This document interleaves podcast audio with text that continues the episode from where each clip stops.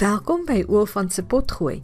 Ons lese is Ooswes, Tuiswes wat ons voel van tuisonderwys ontwerper onderwys maak. Kom ons spring weg. Hallo, hier van Marisa af. Ons het almal nogal 'n rowwe tydjie agter die rug. Die pandemie ry ons steeds en die onrus in die land wat toe boonop uitgebreek het, het ons almal taamlik vuisfoos en op moed verloorse vlakte gelos. En daarom het ek dit goed gedink om van die inspirerendste onderhoude wat ek al gevoer het, weer met jou op die pot gooi te deel. En die een wat vandag aan die beurt kom, het ek in 2018 met Tina van Deventer gevoer. Tina, as jy reg kan onthou, het 12 kinders. Sy het almal van hulle getuiskool of sy tuiskool hulle nog steeds. Hulle is almal nou 'n bietjie ouer as in die onderhoud, maar hulle gesin gaan nog steeds sterk voort. Tina se raad en wenke oor dissipline, verskillende kinders wat elkeen uniek is en die waarde en die genot van voorlees is vir my nog steeds goud werd. Maar die groot rede hoekom ek graag hierdie onderhoud in hierdie moeilike tye met jou wil deel, is die voorval wat hulle gesin tydens 'n gewapende rooftog gehad het. Tina praat hier om en by die 15 minuut merk van die onderhoud begin sy daaroor te praat. En ek glo hierdie vertelling van haar gaan jou weer moed en hoop gee en dit gaan jou geloof versterk. Lekker luister. Tina, hoeveel kinders het jy? Net 12. Noem hulle gou almal vir ons. Gideon en Pieter. Hulle is nou 19 en 18 en dan Esther en Marina 16 en 15. Dan Franco en Andreas 13 en 12. Janita en Anina is uh 10 en 9. Dan is Stefanus 7 Wilma en Tina is uh wat 4 en 3 en dan die baba is nou 1 huis Cornelius. Dit klink amper of jy hulle so 2-2 gehad het. Twee seuns dan twee meisies ja. en toe raak die patroontjie die mekaar. Ja ja, daar's twee seuns, twee meisies, twee seuns, twee meisies en toe is dit een seun, twee meisies en weer 'n seentjie. So hulle is nou darm 6 6, 6 seuns en 6 meisies. Tina, hoe op aarde behartig jy dit? Ah, joh, dit is 'n moeilike vraag. Dit is mens vat dit maar van dag tot dag en in geloof elke dag en die Here gee mens krag vir elke dag en ehm um, genoeg genade om dit te hanteer en dan doen jy maar wat jy hand vind om te doen en wat die volgende daar is om te doen en jy geniet dit en aan die einde van die dag het jy nog nie naaste by ons gedoen nie, maar mens aanvaar dit net so.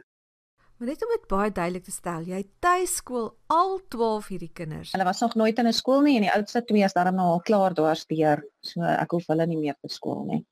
So as jou oudste twee deur die hele proses is, het jy die wenresep hoe om van tuiskool 'n sukses te maak? Nee, ek het nog nie 'n wenresep nie. so kom ook nog. Ek dink hoe langer mens tuiskool, hoe meer besef jy hoe min jy weet. Want elke kind is so anders en so uniek en moet jy weer van vooraf anders benader. Ehm um, so ek dink dit is wat die tuiskool so wonderlik maak dat jy elkeen kan op sy eie manier benader en op sy eie pas en met sy eie belangstellings en so aan. So die les wat jy vir ons maas wat net een of twee of drie kinders het kan leer is dat elkeen van ons kinders is uniek.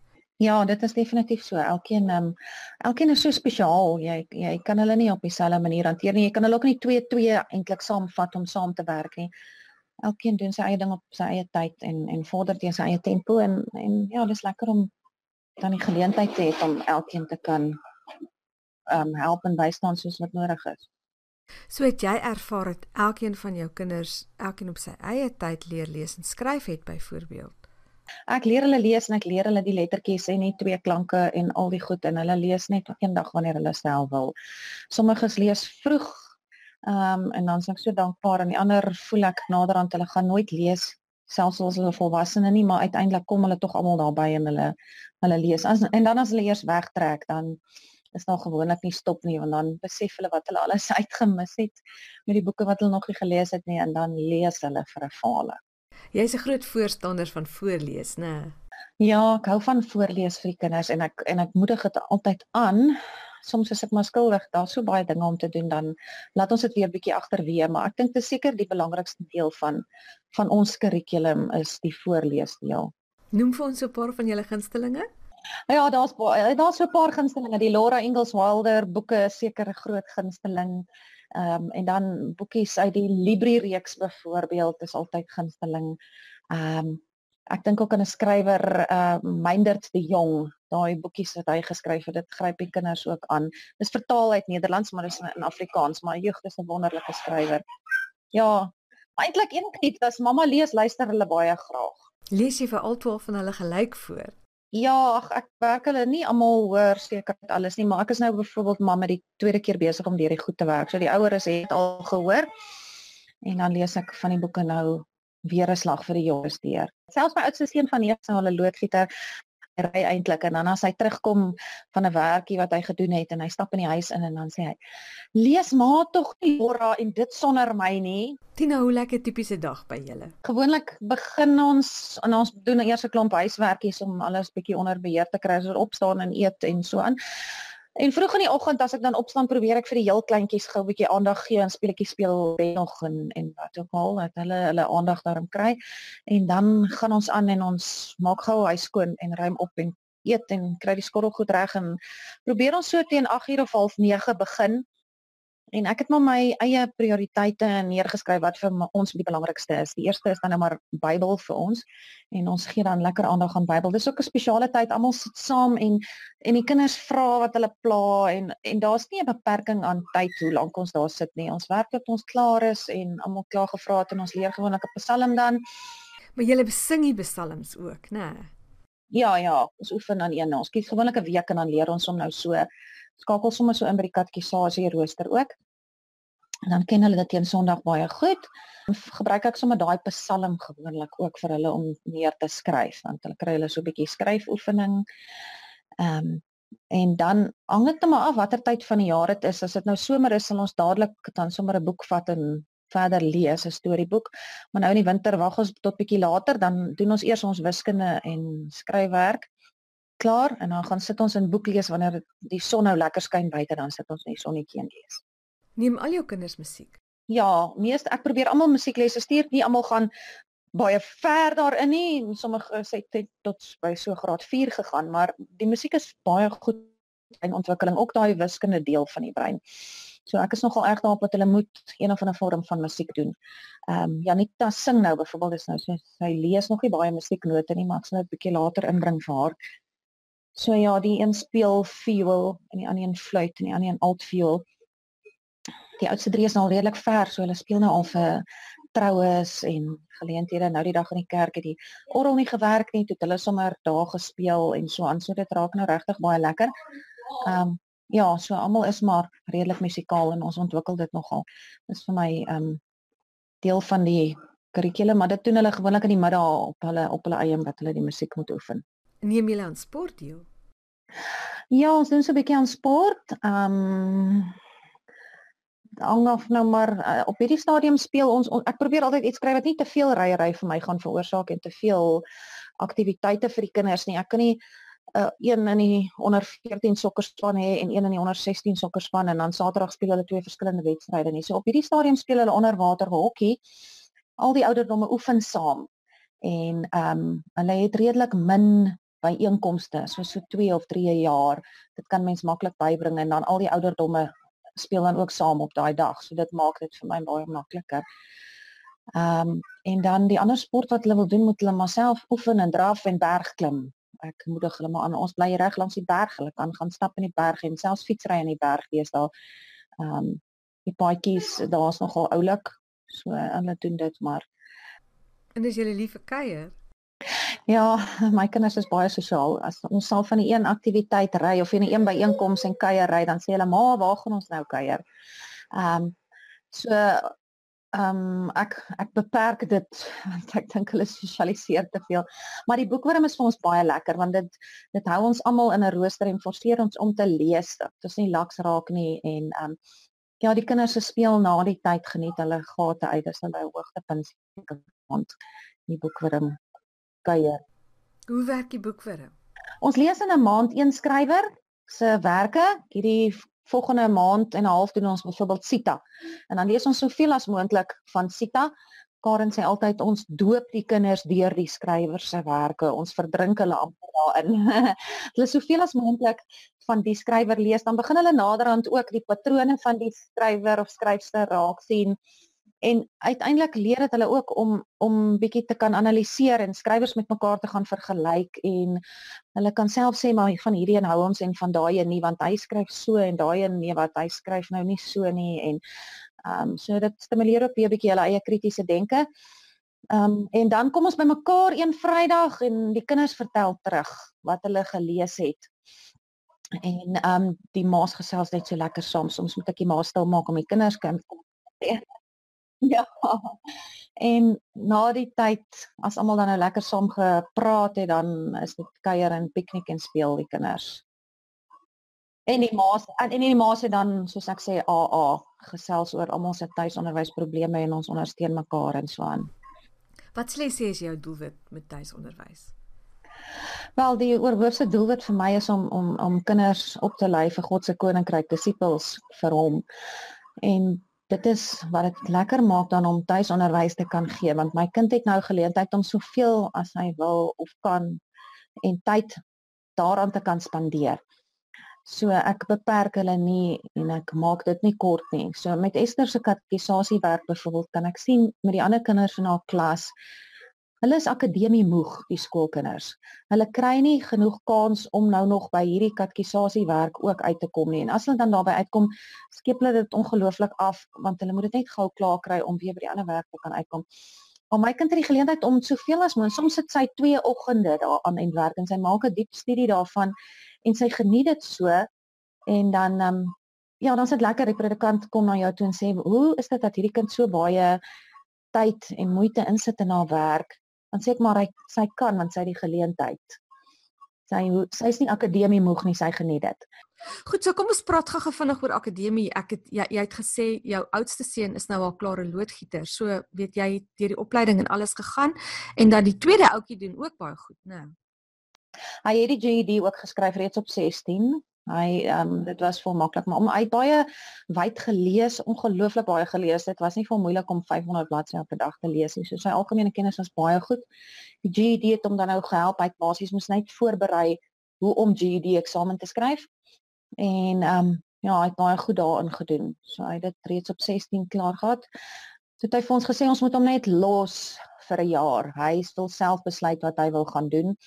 Um, hy wil hierdie jaar net kyk of hy sy besigheid van die grond af kan kry en en besluit wat wil hy met sy lewe doen.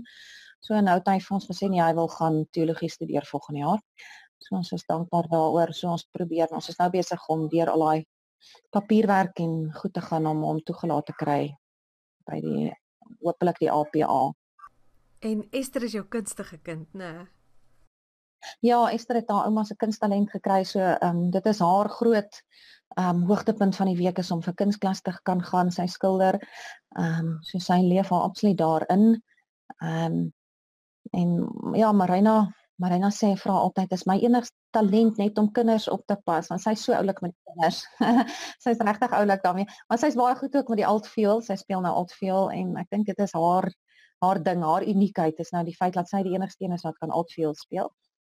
So um dit maak haar ook uniek. Ja, so dan in 'n orkes en al die goed, sy geniet dit baie. Goed, jy so vinnig gepraat van pa van François wat gehelp het met Pieter se opleiding. Watse rol speel hy in hierdie hele tuisonderwysproses? Ek dink hy's maar die groot ondersteuner en ja, aanmoediger en mens om mens kort kort weer seker 'n bietjie op koers te hou. Hy gee nie baie klas of les nie behalwe in die, in in rekenaarprogrammering. Daarvoor het hy sommer ehm um, hy bied sulke kort kursusse aan vir kinders en so aan. So hy het die kinders gevat en hulle dit geleer. Ook dankbaar daaroor want ek sou dit nie kon doen nie. Verloor jy ooit moed? Is daar party daar wat jy net opstaan en sê, weet jy, ja, las is ja. my jou. Wat en wat gebeur dan? Dit was vir jou baie moeilik toe jou ma oorlede is, né? Ja, dit was baie moeilik. Sy het my baie ondersteun. Sy was naby ons en so aan. Ehm um, maar ek het dit gesien as 'n geleentheid ook wat die Here vir mens vra, gaan jy nou nog regtig net my volg? Nou dat jou ma nie meer daar is om jou te help nie. En ja, so mens moes vas staan en daai het ek besluit nee, maar ons wil doen wat die Here van ons vra. Ons wil gehoorsaam wees aan hom. Ehm um, so selfs in die kindergetalle wat ek oorlaat aan hom, het ek toe gesê dit is reg. Ons sal die Here volg in alles wat ons doen. Ja, daar is maar aftye en dan dan gaan dit mens maar weer bietjie veral op die internet kan mens oulike bemoedigende blogs en artikels en goed kry. Ander mense wat al reeds daardeur is of wat dink en voel soos jy en en dan kry mens maar weer 'n bietjie moed en dan gaan jy weer aan. Dit is altyd weer op en af pad. Ek was al saam met jou kinders in 'n kerk vir 'n paar keer en dis soos hierdie orrelpypies waar ons sit, maar hulle is doodstil, chipstil. Hulle gedra hulle baie baie goed. Hoe doen julle hierdie dissipline ding? Dissipline is is vir my belangrik ook. Ja, so Ehm um, dis belangrik dink ek om jou kinders te dissiplineer. Ek glo in die 5-punt plan. Ehm um, die een wat op jou hand sit wanneer dit nodig is. maar ook dan natuurlik saam met baie liefde. Ehm um, ek sien nie ander wat nie daarin in lyfstraf glo veroordeel nie. Ek dink hulle is ook suksesvol, maar vir ons is dit belangrik want ons kan nie kinders hê wat wat nie onder beheer is of wat chaos het of of ek sal nie in 'n chaos kan funksioneer nie. Ons moet almal darm kan ehm um, ons varkies bymekaar hou. So ehm um, ja, dissipline is belangrik. Hulle leer van die begin af om te luister, om uh nie te gil en onnodig lawaai te maak en so aan nie. Daar is maar soms lawaai want ons is baie mense. Maar ja, om, om, maar nou moet ons mense ook dadelik sê jou kinders is nie verskrikte muise nie. Jy weet, dis nie dat hulle choopstil is en hulle hulle is vrolik en gelukkig en met blink oë, maar hulle is gedissiplineerd. Ja, ja, net so. Dit is so. Goed van dissipline gepraat, daai daai insident wat jy gehad het toe jy beroof is en die kinders so verskriklik ja. gehoorsaam was. Was dit nie vir jou, weet wil jy nie bietjie daarvan vertel nie? Ja, dit is dit daar kon ek dit duidelik ook sien. Dit is belangrik dat jou kind moet vir jou kan luister. Die ons is oorval deur gewapende rowers in die huis en ek en Franswa en al die kinders wat wakker geword het is vasgebind. Die kleintjies het gelukkig bly slaap. En hulle het op die rowers het op 'n stadium gevra die kinders moet alleen na hulle kamer toe gaan terwyl hulle vasgebind is. En ek het toe gevra kan ek nie saam met die kinders gaan nie want hulle sal nie alleen gaan nie waarop hulle gesê het nee, ek mag nie saam met die kinders gaan nie. Die kinders moet alleen na die kamer toe gaan. En daar het ek vir die kinders gesê hou mekaar se hande vas en gaan. Want as ons daar nie gehoorsaam was nie of paniekerig geraak het, dan kon jy weet dan kon hulle op ons geskiet het of so iets hulle het geluister. Hulle het gegaan, hulle het mekaar se hande gevat en hulle het nie gaan skree en gil of 'n tantrum gegooi nie. Hulle het op die bed gaan klim. Daar's kombers oor hulle gegooi en daar het hulle gebid. En, en dit was vir my mooi dat hulle, jy weet, rustig gebly het want hulle het gesien mamma is rustig en hulle het geweet hulle kan nie nou aan die gil gaan nie. Hulle moet net gehoorsaam wees. Oh, ons is baie dankbaar daarvoor dat dit goed afgeloop het. Ehm um, daar het nie 'n krisis ontstaan nie.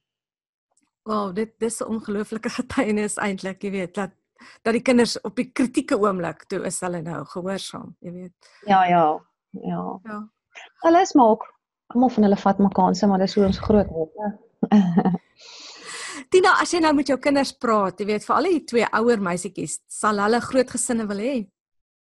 Hoe hoe ja, beleef hulle dit?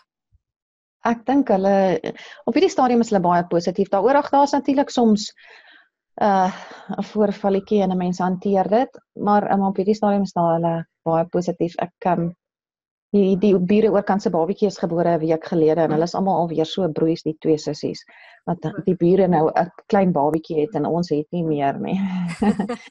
Goed, maar julle het ook op 'n stadium met hulle so het julle so buddy stelsel gebruik dat van die oueres maar weet verantwoordelik is elkeen ja. vir een van die kleineres. Hoe werk dit? Ja, ons het 'n buddy stelsel wat goed werk. Ehm um, elke ouer kind is dan nou verantwoordelik vir 'n jonger een om na 'n jonger een om te sien. Ehm um, as die jonger kind dan nou 'n behoefte het, dan sal die ouer een gou-gou daaraan kan aandag gee. So dis nie elke keer my vir my nodig om uit te spring en te gaan help nie. Ek hoef nie elke slag dan nou 'n les te onderbreek of so iets nie. So leer die kind ook, die ouer kind ook verantwoordelikheid en die jonger kind bou 'n spesiale band met daai buddy op. Ehm um, So dit werk vir ons goed. So ehm um, En dis dit in die oor dieselfde geslagte, so dis 'n seun met 'n seun. Ja. Ja ja, dis oor dieselfde geslagte. So dit is nou omdat dit twee seuns, twee meisies, twee seuns, twee meisies was, dan sal die oudste seun van die oudste 4 se buddy was die oudste seun van die jonger 4 dan nou gewees. En dan het hulle nou weer 'n buddy van jonger af bygekry. So hulle is nou al so 3 in in 'n buddy span. Dis baie oulik. So dit klink vir of jy jy's georganiseerd. Jy moet beplan. Redelik, ek mens moet beplan. Beplanning is baie belangrik. Uh, georganiseerd sal ek nie altyd sê nie. Ons probeer maar maar mens moet beplan want as jy vir 'n groot gesin nie weet as jy teen die oggend moet jy al besluit wat jy die aand gaan eet om jy genoeg vleis uit te haal of wat ook al dat dit ontdooi. Jy kan nie nou 4 uur 5 uur besluit o wat gaan ons eet nie jy moet daarom al 'n idee in jou kop hê waarvan ons jy kan werk so beplanning is dink ek die groot geheim maar goed so van kos gepraat um hoe hoe is dit nie verskriklik duur om vir so baie mense elke dag kos te maak nie? Ja dit is nogal hoor. Ons um ek sê vir jou ek is al 'n voel al soos 'n kampioen in in goedkoper billiker disse en en kosse en so aan. Um ons doen allerlei goed, allerlei toertjies wat ek al uithaal om souse wat ekstra lank word en uh, ek kan 'n boek daaroor skryf. Ja nee, om dit so billik as moontlik te maak. Maar mens kan nog steeds baie gesond leef en dit baie billik doen. Ja. Is daar nog iets wat jy wou bygesit het oor om vir mense moed te gee oor hierdie hele groot gesin tuiskool ding? Is dit moontlik? Ja, nee, wat ek dink dit is definitief moontlik. Ek uh, ek kan miskien net afsluit om te sê die kinders het my uh baie goed geleer.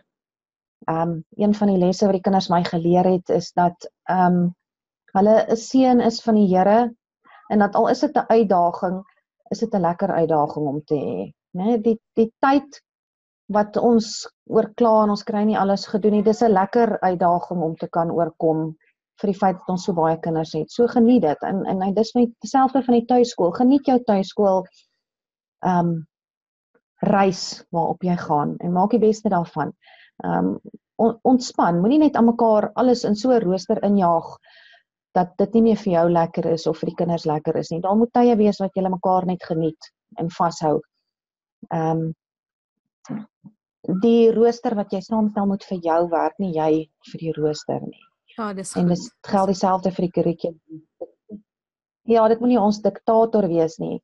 Dit moet net miskien jou lewe rig waar jy andersins dalk sou 'n bietjie gefaal het. En dan kan ek net afsluit deur te sê ja, in die Here lê my sterkte en deur hom is ons tot alles in staat. Baie dankie Tina.